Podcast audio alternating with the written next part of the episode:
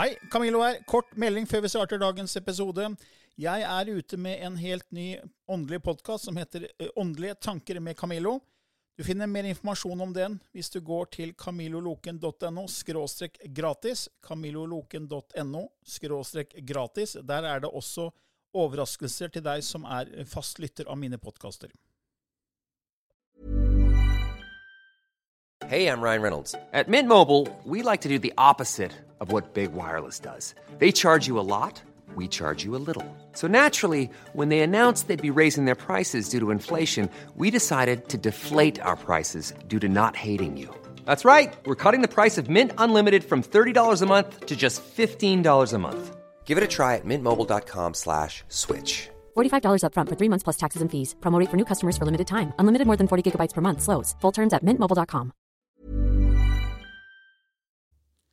I denne podkasten belyser vi temaer innenfor den ikke-fysiske åndelige verden, og hva vitenskapen eventuelt sier om dette.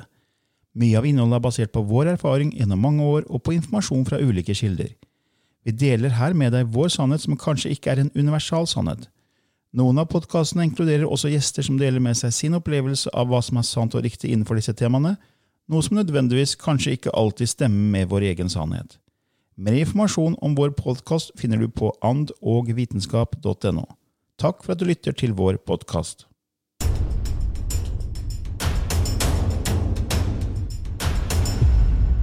Ja, velkommen til en ny uke i Ånd og vitenskap med Lilly Bendris og Camillo Løken. Ja, I dag har vi jo igjen en spørsmål og svar-runde, Lilly. Ja, det er mange spørsmål som popper inn her. Ja, er, folk lurer på både det ene og andre, og mange som lurer på det samme. Mm. Og vi har her en fra Martika som spør om vi har et spørsmål som kanskje kan være aktuelt uh, å ta opp. Og jeg er veldig interessert i det med nær døden-opplevelser. Jeg har lest hørt mange slike over de siste årene. Og de aller fleste forteller om fantastiske opplevelser av lys og kjærlighet. Det er imidlertid også en liten prosent som har negative opplevelser. Jeg prøver å forstå hva som gjør at noen har slike negative opplevelser. Er det kanskje ulike dimensjoner som vises, eller er det kanskje vår egen projisering av skyggesider i oss selv eller av egoet?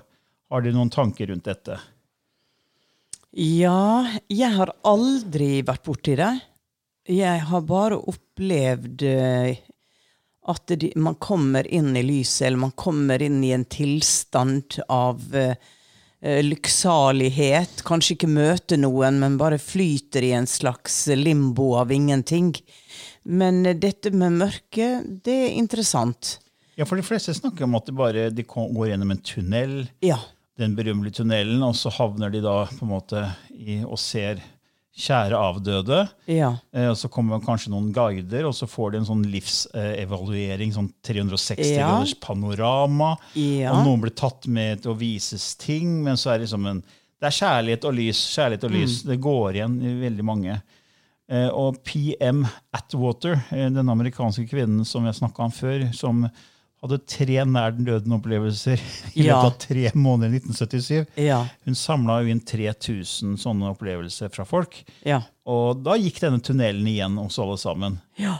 Eh, og da er noen skeptikere som sier ja, men da er det hjernen som spiller et puss. Ja. fordi de, de sier de siste som forsvinner hen, da er på en måte det, noen celler i øyet, og det skapes da på en måte naturlig tunnel på en måte som, Mm. som da fester seg rett før man dør. Og så når man kommer tilbake, så er det det man husker. Ja. Det er sånn man prøver å forklare bort det her med, med denne tunnelen. da. Eh, Men eh, det er jo noen som også har negative eller mørke opplevelser. Eh, Og den mest kjente jeg kommer på, er eh, doktor Eben Alexander. Mm. Eh, Denne nevrokirurgen som trodde han mente han kunne svare på hvor, hvordan folk har nærdøden-opplevelser gjennom, gjennom å forske på hjernen. ikke sant? For han var jo nevrokirurg, så han mente han kunne forklare det på den måten at det var bare hjernen som egentlig satte folk ut.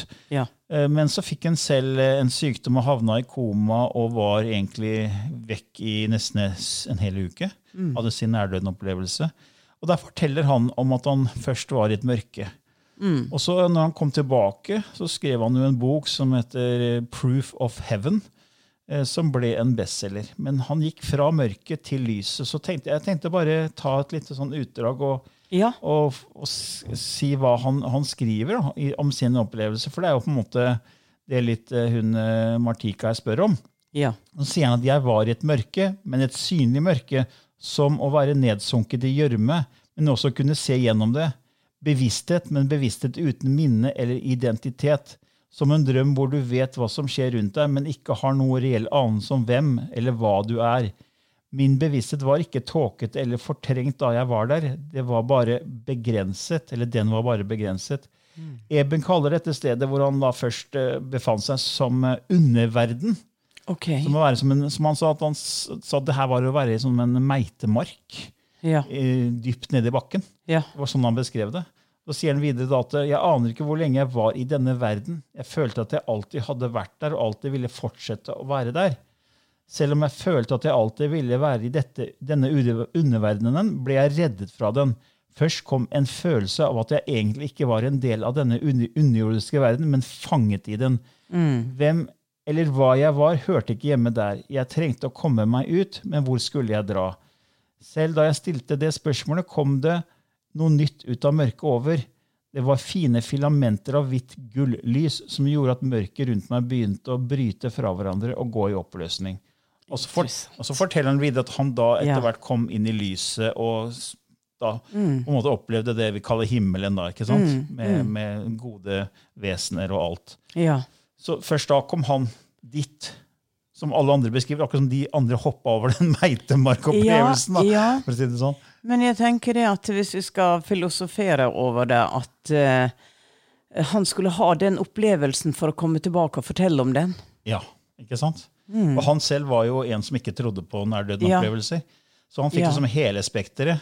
Ja, og hvis han ikke trodde Hvis hans livssyn var at han ikke trodde på det, og var veldig i, i, i det mentale, for å forske og studere i det mentale for å finne ikke sant, hva er det i hjernen som skaper det der, så er det jo også litt logisk at han kanskje havna der han gjorde. Ja, for bevissthet er jo i alt, ikke sant? Ja, og at han kom til et mentalplan eh, som han var låst i, egentlig. Uh, og, men at det eh, Ja, skal vi se. Han kom til et mentalplan han ble låst i. Samtidig så begynte det å krakelere rundt han av lyset som kom inn. Forståelse, en ny bevissthet, som han da ble løfta opp i. Det er sånn som jeg får en forklaringsmodell på det, da, inni Ja. meg selv. Ja. Og, og gikk videre. Og, og den har jo spilt en stor betydning, denne boka. Mm, Absolutt. akkurat også fordi at han har den tittelen han har. Ja. Og den lå også på bestselgerlista i mange uker. ikke sant? Jeg tenker at Hvis du er for låst inn i en mental verden av denial Ja, Og fortrengelse. ja. Det var jo litt som du snakka om din pappa, da. Ja. Ikke sant? At jeg fikk litt kontakt der, at uh, han lurte litt. ja. Og ikke, ikke forsto.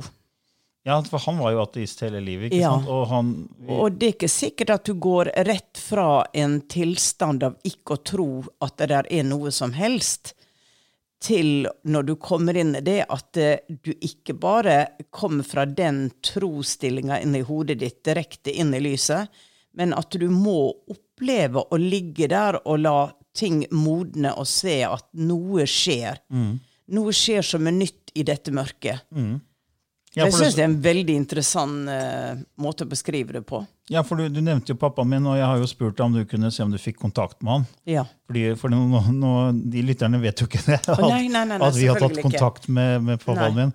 Faren min døde for tre år siden, eh, og han var, eh, han var skolemedisiner, lege og ihuga skeptiker Ja. til alt det vi driver med. Ja. Uh, u- men vi var aldri, vi var gode venner, og var veldig glad i faren min, og han var glad i meg. Men, eh, men vi hadde helt forskjellige syn på, på Mm. det her med det spirituelle.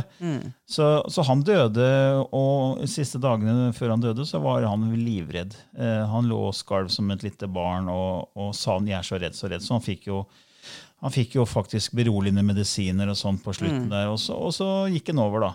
Men så tok jo du, du gikk i Ranse, og så fikk du eller, på en måte kontakt. Og du så at han var i en, en tilstand hvor han liksom ikke forsto helt hvor han var.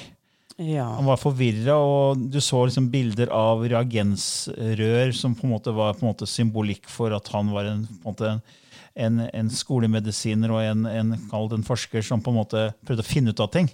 Ja. Han forsto liksom Ja, at han var død, men samtidig at han fortsatt ikke Altså, ikke var død. Ja, han brukte sin, sin jordiske eh, forståelse og lærdom og kunnskapen han hadde som lege, Ja. og ville finne ut av det på den måten, men at det stemte ikke helt. Nei. Det Nei, og, det, ikke og det er jo fordi han var overbevist om at når vi dør, så er det sort og svart, og det er ingenting, Ja. vi er, vi er ikke mer. Nei. Eh, Så, så han, opple så han var, er, er jo der i en sånn tilstand nå hvor han må finne ut av det, akkurat som Eben Alexander var i denne mørke underverdenen Mm. som meitemarkaktig. ikke sant? Og så kommer et spørsmål eller en følelse at det ikke tilhører deg, og så kommer lyset og trekker den Ja. ut av det. Så jeg tror nok det også er det vi snakka om i, astralplanet, at man havner der man tror på en måte, den frekvensen man er på. Ja. Den troen man har, gjør at man havner et visst, visst eh, sted i astralplanet til man på en måte har stiller spørsmålstegn eller får, får på en måte hjelp til å gå et skritt Ja. videre. da. Ja. Så Sånn sett så høres det riktig ut eh, at det er flere lag som man kanskje opplever i nær-døden-opplevelse, men at, at de fleste ikke trenger å gå gjennom det laget Even Alexander gjorde. da. ja. At denne mørke som han opplevde. Og det er jo også sånn at eh, jeg var jo med et program um, på TV.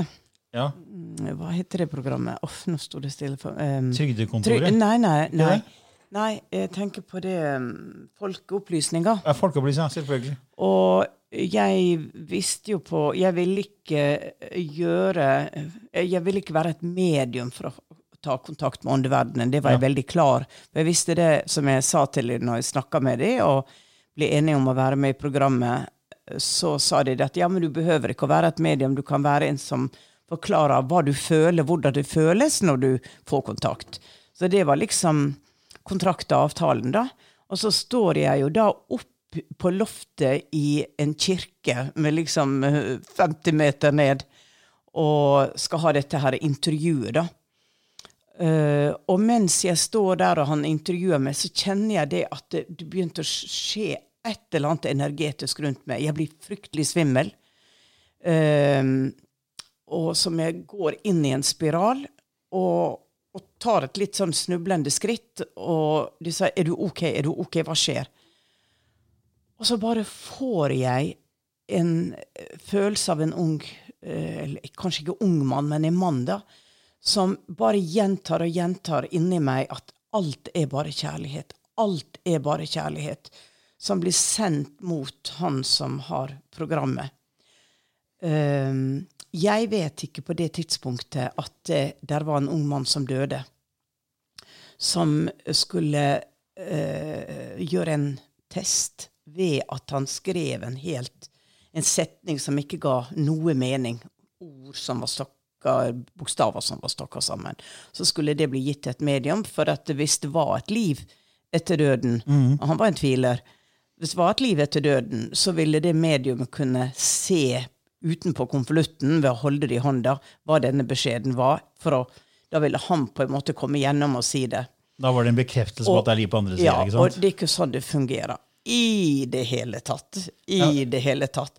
Så det jeg i ettertid, når jeg så programmet, eh, så forsto jeg jo det at det var jo han som hadde tatt kontakt, og på en måte vist meg at det, det er ikke sånn det fungerer. Alt er bare kjærlighet. Alt er bare kjærlighet.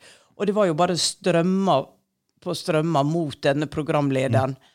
Um, Ja, for nå, du, nå, nå kom du faktisk meg litt i forkjøpet, fordi Ja. vi har et spørsmål som handler egentlig om det du sier nå. Å ja. Fordi nå, Jeg håper det er hun som fikk, eller eh, lurte på det med nær døden-opplevelser. Eh, Martika, om det var, da har du fått et svar på det vi snakka om. Men det er også en annen som heter Kjersti, som sier jeg lurer på hvordan det har seg at folk som vet de skal dø, og som inngår en løfte om at de skal gi lyd fra seg, bare blir stille og borte når de dør. Ja. Så nå kom du til forkjøpet, for det du Ja. svarte jo egentlig på det spørsmålet også. Ja. Fordi, ikke sant? Fordi ja, man kan liksom gjøre avtale når, når jeg dør, så skal jeg gi deg et Ja. hint, og jeg skal kanskje vise meg som en sommerfugl hver dag på vinduet ditt. altså hva vet jeg, ikke Ja, sant? ja. Og så hører de ikke noe fra den døde, da. Ja. Hvorfor gjør de ikke det de har lova, liksom? Ja. Ikke sant? Det, det er en totalt annen eksistens som møter de på andre sida. Ja, ja. Helt andre lover. Og, ehm, og det, det den jeg tenker denne herremannen som da døde, hadde skrevet dette, kommer på andre sida og tenker at dette er jo bullshit. Ja, For Folkeopplysningen ville jo da på en måte prøve å se om det er sant ved å få Ja. en lapp inn i en boks Ja. som en døende person hadde skre skrevet, Ja. og det mediumet visste ikke om det. Og så skulle liksom medium si hva det var, for da hadde det vært sant at Ja. eh, det var han var. Men i og med at ingen gjorde det og klarte det, Ja. så er det ikke liv på andre sida. Og det er så banalt uh, Ja. å, å lage sånne program. Det, er så, det er så For meg så er det sånn åh, Jeg blir bare oppgitt over hvor uvitende man egentlig er om den spirituelle verden. Og så liksom blir det slått opp stort, og så henger man ut. Og det viser hvor lite man har satt seg inn i ting. i den spirituelle verden. Og det sier jeg fordi jeg selv var slik. Ja. Før jeg begynte på min, på min reise, Ja. så var jeg skeptiker selv. Ja. Ikke sant? Da ville jeg ha bevis.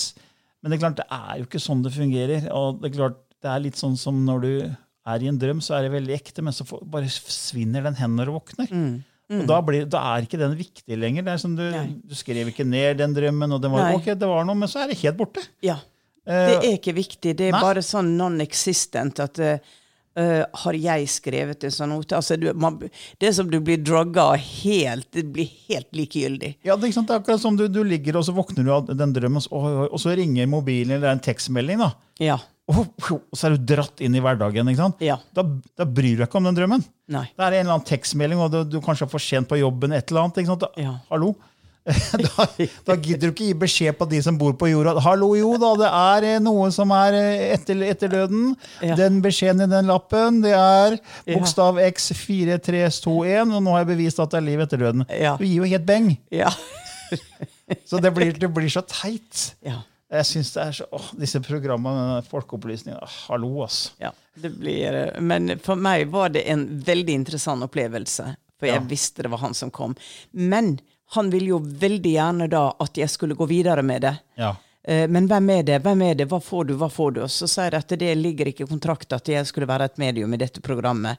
For uansett hva jeg sier, så vil du underkjenne det, ikke Ja. tro på det eller latterliggjøre det. Ja, jeg, jeg var veldig klar på det. Og det tror jeg nesten ligger som en intensjon. Altså. Det, Ja. er sånn, det er ikke en folkeopplysning. Det er mer sånn hvordan kan vi bevise at alt det spirituelle ikke er reelt? Ja, så de trekker jo da frem eksempel som styrker deres teori.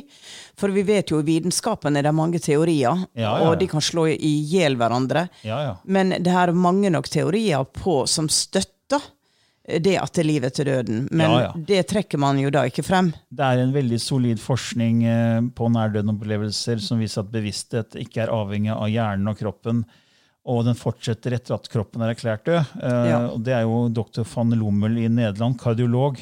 Han har jo, som jeg har nevnt før, gjort stort studie på det med nærdøden-opplevelser.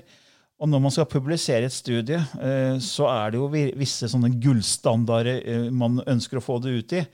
Jeg jobba jo i legemiddelbransjen i mange år. Og da var det å få en artikkel publisert i The Lancet eller The New England Journal of Medicine, det var liksom innertier. Ja. Da var det kvalitet, for da var det peer-reviewed. Da hadde andre gått gjennom det, også at dette er kvalitet, dette er substans. Ja. Og han fikk da sin nærdøden-opplevelsesforskning utgitt i The Lancet, som er denne gullstandarden Ja, for å få ja, ja. utgitt eh, studier. Så det er ikke noe hva som helst studie, det er ikke noe kvasivstudie. Dette er et reelt solid eh, studie om bevissthet og hvordan bevissthet fortsetter etter den fysiske død. Så, så det er solid forskning, så der kan ikke bare feie det spirituelle under teppet og si at nei, det er ikke noe liv etter døden. ikke sant? Det, blir- det blir litt for lettvint. Så, men det er sånn er det, man setter seg ikke inn i ting. Nei. Og så bare har man sitt syn og, og sin tro, og så er alt er basert på egentlig den gamle Newton-fysikken, at ting er separat i tid og rom, og at materie er alt som er. Ja. Ikke sant? Og så Ja. kan ikke noe annet eksistere. Ja. Ja. Ja, ja, men vi håper det. Da fikk vi svart liksom på både to spørsmål her. da. Ja, ja. Også til deg, Kjersti. Eh, og da har jeg også et annet spørsmål her, som kommer fra Maja. Jeg har begynt å utforske det spirituelle, men jeg føler det er så mye forskjellig å sette seg inn i. Hvordan bør Mm. jeg begynne for å komme meg inn i denne verden? Hva kan jeg stole på av informasjon jeg finner på Google eller YouTube? Og vil healing alltid fungere hvis man er åpen for det? Synes det er utrolig interessant å lytte til podkasten deres. Ja, da starter jeg med det siste. Vil healing alltid fungere? Nei, den fungerer ikke alltid. Uh, fordi at det er også noe med at uh, eh, et menneske har en kontrakt. Ja. uh, på kanskje å Du får kreft. Du har en kontrakt på å forlate uh, verden. Uh, og så kommer det jo da en healer kanskje inn og sier at jeg skal hjelpe det er det jeg kan. Og um, noen sier jo at jeg kan helbrede kreft, og det har du jo ikke lov å si. Nei. Det er nå én ting. Men eh, så dør jo da denne personen allikevel. Og da har det vært min forståelse fra første stund at det, jeg kan ikke override Over- Altså en ja, ja. sjelskontrakt på når vedkommende skal ut av en inkarnasjon. Og jeg husker jeg hadde en nydelig eh, eldre herremann som fikk kreft og kom til meg da for behandling, for han var sliten og sånn. Og jeg var veldig klar på at jeg gir deg av min energi, men de healingtimene ble det også veldig mye prat. Vi prata veldig mye om døden.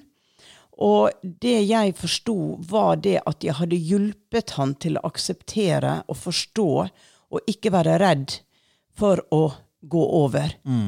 Og at eh, kanskje jeg energetisk hadde hjulpet kroppen hans til å få en lettere transition over på andre sida. Så det er på en måte healing er på så mange plan. Ja. Og det tror jeg eh, Altså, en lege avgir en erklæring på å redde liv. Uavhengig så skal han redde liv. Og da mener jeg det at det, det løftet det på en måte er med på at denne legen har lov å såkalt manipulere og operere for å redde et liv. En healer har en litt annen oppgave. De, de er mer ikke-invaderende i livsplanen, men sender fritt en energi som da kroppen og planen bruker på best mulig måte. Så ligger i planen at dette mennesket skal bli fri for kreft gjennom healing. Ja, så vil man jo da oppleve at denne healeren har hjulpet meg. Så Matthew Manning, som var, ble veldig kjent for å helbrede kreft i England, og var jo inne på laboratoriet i, i og heala reagensrør med kreftceller, og opplevde jo da at de forsvant. Det som jo skjedde med Matthew Manning, han hjalp jo utallig mange. Og så han ble vel skilt og fikk en ny eh, kjæreste. Tror han gifta seg, er ikke sikker. Hun får kreft, og hun dør. ja. Han klarte ikke å hille henne. Og han gikk jo ned i en mørk bølgedal, Matthew, etter, etter det. For alt han hadde stått for, så kunne han ikke redde denne kvinnen han elska så høyt. Og, men det viser også meg at vi kan ikke bruke healing gjennom egoet vårt. Nei. Eh, det er, det er en, en levende kraft som blir formidla, og så skjer det ofte små mirakel. Jeg har jo opplevd noe av det selv. Men andre ganger så har jeg ikke kunnet forandre noe. Det ser du Snåsamannen også sier. Ja, ja. Så det er ikke alltid Vi kan ikke si alltid, men det å gi omsorg, det å gi energi for at det mennesket skal kunne motta det på best mulig måte, det tenker jeg er det som er viktig. Ja, for det er jo egentlig hjelp til selvhjelp. Eh, Ja. Fordi man, man gir en energi som skal bidra til å løse opp i blokkeringer Ja. som har skapt sykdommen. Men det er klart at hvis, Så den kan være nok til at det løses opp. Ja. Eh, Men så kan mønstrene som har skapt det, være så sterke, Ja. så det bare kommer tilbake. Ja. Så da virker ikke healing, liksom. Ja. Men egentlig så er det en, på en måte kanskje en kontrakt, som du sier, da, at man skal være litt lenger i den sykdommen. Ja. Eh, Og det er jo ikke alle som tror på healing heller. Da tror jeg også du blokkerer for at denne fri energien flyter gjennom. Ja, det, det, tror jeg at, det tror jeg at et menneske kan blokkere. Eh, spenne bein for seg selv, eller noen har sagt at du burde gå til den healeren, f.eks. Ja, jeg tror ikke egentlig på det. Ikke sant? Eh, men jeg hadde jo en, en Vi får bruke litt humor her, da. Jeg hadde jo en veldig artig opplevelse av en godt eh, voksen, stor, kraftig Brande som kom til healing. For det at eh, han hadde fått foten avrevet i en maskin. Og, ja, og den ble sydd på igjen, og foten fungerte. Men han hadde konstante nervesmerter. Oh, ja. Så han kom jo for Og han hadde, han hadde jo stor tro på at ja, men det tror jeg du kan fikse. Ja, så vi får, vi får nå prøve her nå da og se hva som skjer. Så jeg ga jo healing på den foten, men fant ut jeg skulle jo gå litt over hele kroppen og hodet og nakken og hele pakka. Så jeg gjorde min greie, og fyren forsvant. Hørte ikke et pip fra han. Men så kommer han etter et par år tilbake, og han var en veldig spesiell person, så jeg gjenkjente jo det du med foten. Ja, men gud, hvordan gikk det med foten? Jo, den ble jo helt bra med en gang. Og jeg tenkte OK. ok. Men det var ikke bare det, skjønner du, sa han. For du, det er noe arvelig i vår familie at vi ikke vi har enorme søvnproblemer. Vi sover ikke. Uh, men det som skjedde ved siden av at foten ble helt fin, det var jo at jeg dro hjem. Jeg sov 24 timer. Og jeg klarte nesten ikke å våkne, og har sovet ever since. Så jeg fikk jo hele familien som hadde søvnproblem, de søstrene og sånn, skulle også da ha healing. Men det hjalp ikke så godt. Nei. Nei. Det ble litt bedre, men ikke en markant forandring. Men, men han var det bare sånn pang. Og, og jeg sto der som et spørsmålstegn og ikke forsto hva søren hadde skjedd. Så det er et spennende arbeid. Ja, mm. ja altså, det var jo den healing-delen som Maja lurte på. Men så lurte også på hvordan, hvordan jeg som skal gå fram den, for å finne informasjon. Ja. Kan jeg stole på det jeg finner på Google og YouTube? Og hvordan skal jeg liksom gå fram? Ja, og, og du, du klart at det er det, det, er så mye der ute. Men vi har jo kvalitetsstempla en del forfattere eller um, Ja, også Gaia.com, for eksempel. Ja. Der er det mye bra. Uh, der, der, kommer du ikke inn hvis ikke det er solid. Nei. Uh, tror jeg, i hvert fall. for Ut fra det jeg har sett, så uh, syns jeg det er veldig bra kvalitet på det som ligger der. Ja, og jeg vil jo si sånn som Greg Braden. Altså, ja. fantastisk. Bruce Lipton, dr. Ja. Joe Dispenza, veldig mye bra. Nasir Haramein, som har vært veldig foregangsfigur. Ja. Eh, jeg vil anbefale å se dokumentaren What the Bleep Do We Know fra 2004. Veldig, veldig mye bra. Ja. Filmen eh, The Living Matrix, fantastisk. Yes. Også dokumentar. Eh, det er veldig fine steder å begynne. Jeg vil også anbefale boken, eller triologien til Neil Donald Walsh. Ja. Sam, 'Samtaler med Gud'. Det, ja. det var en utrolig tankevekker for meg når jeg fikk lest den trilogien. Det var ja. en av de første bøkene jeg leste når jeg begynte på min reise. Ja. Helt fantastisk. Så, så gå, gå, til de store, og så vil du etter hvert begynne å manøvrere deg fremover og plukke ut litt hva som, hva som resonnerer med deg. Ja, for når du først, først, leser en bok fra en, en, en, en kjent forfatter som f.eks. For uh, Bruce Lipton, eller sånn, så vil han også henvise til annen informasjon ja. som, du, som du blir nysgjerrig på. ikke sant? Ja, og så må jeg jo Jeg driver jo ikke reklame, men boka vår 'Bevissthetsskifte' tar for seg tematikk og har et register på bøker vi personlig har godkjent. Ja, for jeg brukte jo veldig mye tid på research før vi begynte å skrive den boka. Så der henviser jeg til de bøkene jeg nevnte nå. Og ganske mange bøker. 100, ja, ja. 140 Nei, Jeg husker ikke mange kildehenvisninger det er. Nei, veldig mange. veldig mange. Ja, Noen er jo rene sånn YouTube-henvisninger som ikke virker lenger, for det er jo ti år siden vi skrev den boka. Ja. Men veldig mange av disse kildehenvisningene er nok uh, like aktuelle i dag. Ja. Men så har det kommet mye etterpå. da som, som ja. også er veldig spennende. Blant annet eh, David Wilcock har en veldig fin bok som heter The Source Field Investigations. Som ja. er spekkfull av uh, vitenskapelige henvisninger og forskning. Og, og tar for seg spirituelle ting. da. Ja. Veldig, veldig bra. Ja, da, så det er, det er, mye med bra kvalitet der ute. Ja, så Jeg håper det, det var litt svar til deg, Maja. at Da har du litt å ta tak i. Ja, mange lesetimer. Ja. Uh, skal vi se, Jeg tror vi kanskje rekker et spørsmål til. Uh, hvis, Det kommer fra Berit. Vi ser jo på åndenes makt at ting flytter seg, blir borte og kommer tilbake. Lys blir slått av og på, dører åpnes og lukkes osv. Kan dere prøve å forklare dette? Alt er jo energi, men det er rart likevel at det går an. Ja uh, Du har jo opplevd det selv? Ja, at ting det, forsvinner? Ja, ja, ja. Ja, ja da. Det, det har jeg opplevd, og selvfølgelig i alle episodene jeg har vært med i, så er ikke det tvil om at eh, det de står og forteller, stemmer. De står ikke og dikter opp ting. Og, og, med meg så prøver jeg alltid å finne naturlige forklaringer, men det har vært episoder hvor jeg bare ler litt, og så sier jeg nå må dere gi dere. Uh, altså, nå, nå, må dere komme frem med det der. Eh, og Og så, jeg- og så kommer det da, eller? ja, jeg hadde to ringer. Den ene tar jeg aldri av. De som har sett bilder av meg, ser denne store gullringen med diamanter som um, ble kjøpt uh, i New York. Det var dødsbo. Og um, jeg gikk i, for 35 år siden til et engelsk medium. Som idet jeg kommer inn og legger hendene på bordet, sier It's a spirit here, and she says It's my ring, it's my ring, it's my ring.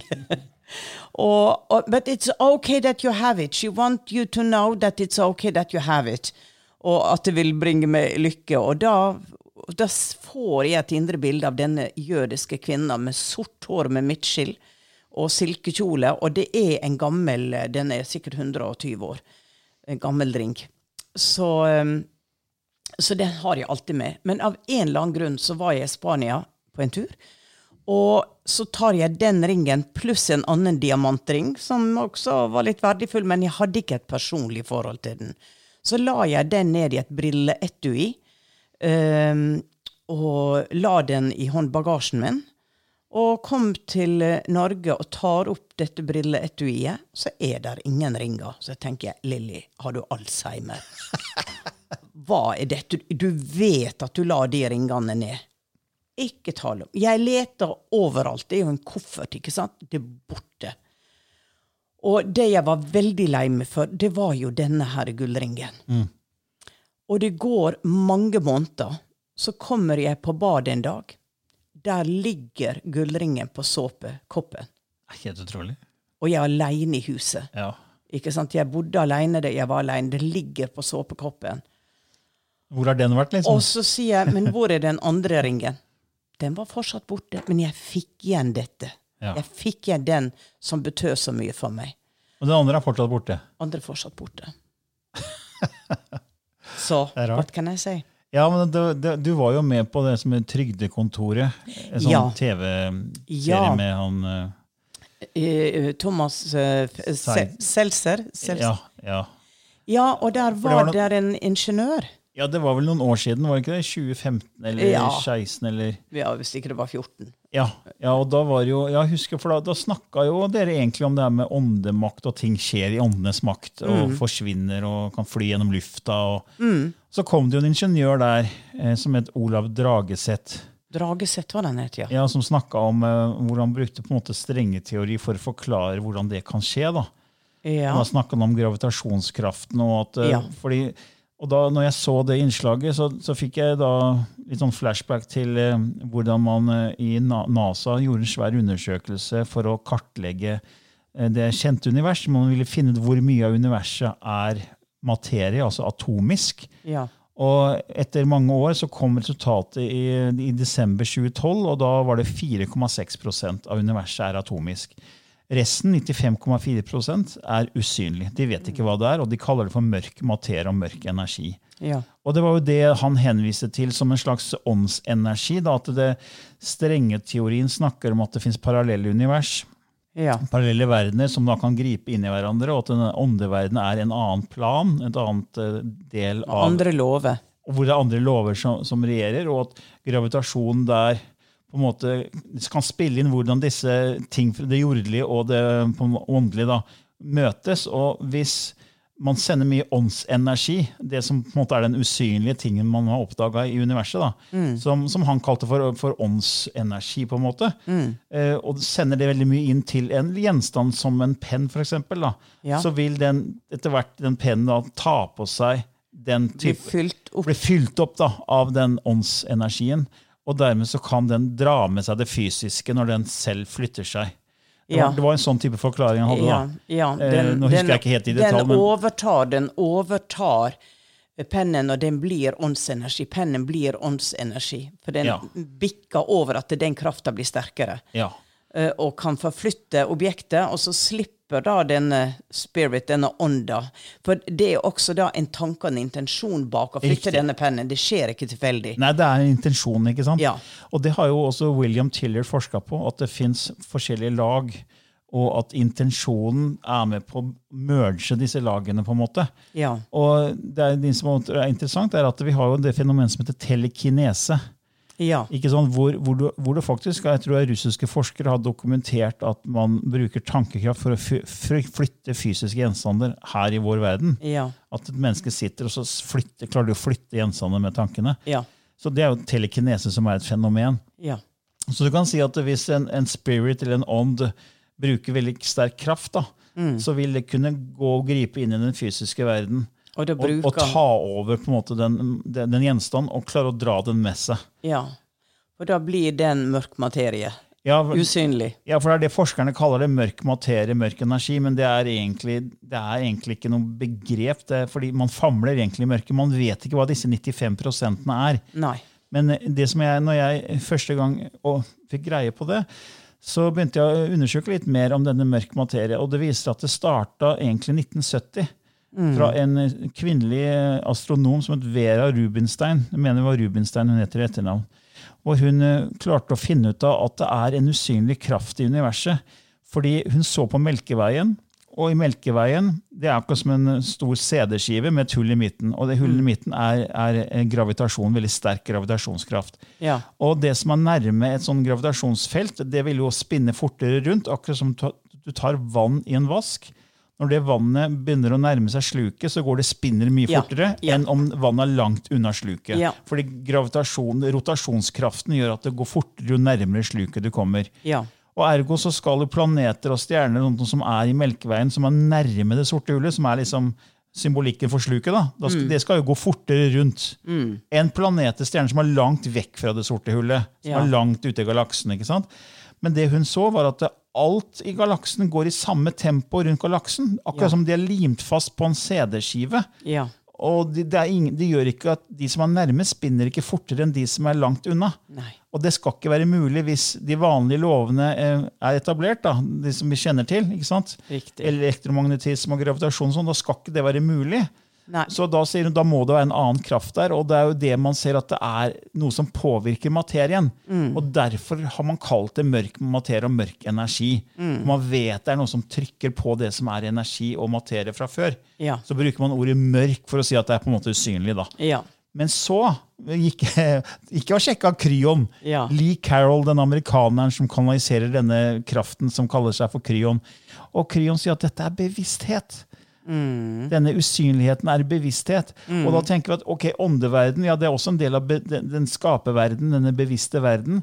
Det er et bevisst vesen, så det bruker sin bevissthet for å påvirke fysisk materie. Så, så for meg så henger det her litt på Ja. greip. da. Ja. ja. Ja. For meg også. Ja, så det, så det var en liten forklaring på det til Berit. Jeg håper det var ok. Ja. Ja. Oi, nå har vi gått langt opp i Nå er vi oppe i 36 minutter. Oi, oi, oi, oi, oi. Ok, men da skal jeg bare uh, koble meg på Ja, og da skifter Lili litt gir for å kanalisere lysspråket, som hun gjør etter hver episode. Og uh, de av dere som ikke har hørt om det før, kan gå inn på vår nettside andogvitenskap.no og der lese mer om lysspråket. Og dere kan også sende inn spørsmål og forslag til tema på vår nettside.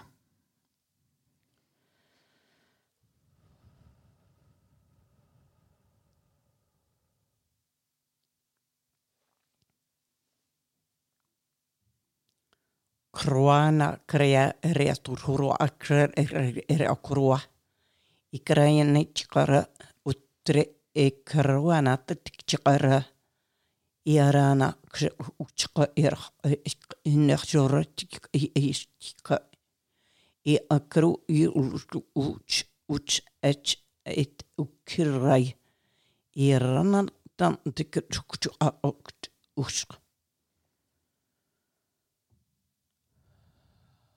uch. Layanana shutukiesetike imanujna i ete I enana ichtuku estakachika i enayere tuchi pakatiti eresete inahiet chike. Umachu taka ilarakete à genoux.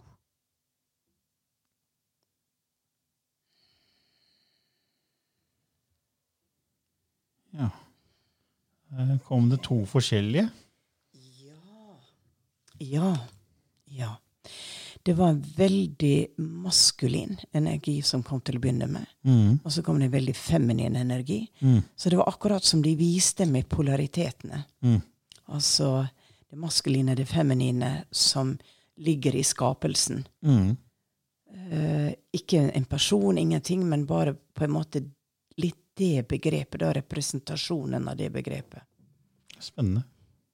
Kanskje Ja. noen fikk noen reaksjoner av det. Ja. Ja. Ja. Da tenker jeg det at eh, vi rett og slett sier takk for oss, Camillo. Ja, takk for denne gangen. Tusen takk, og ha en nydelig dag.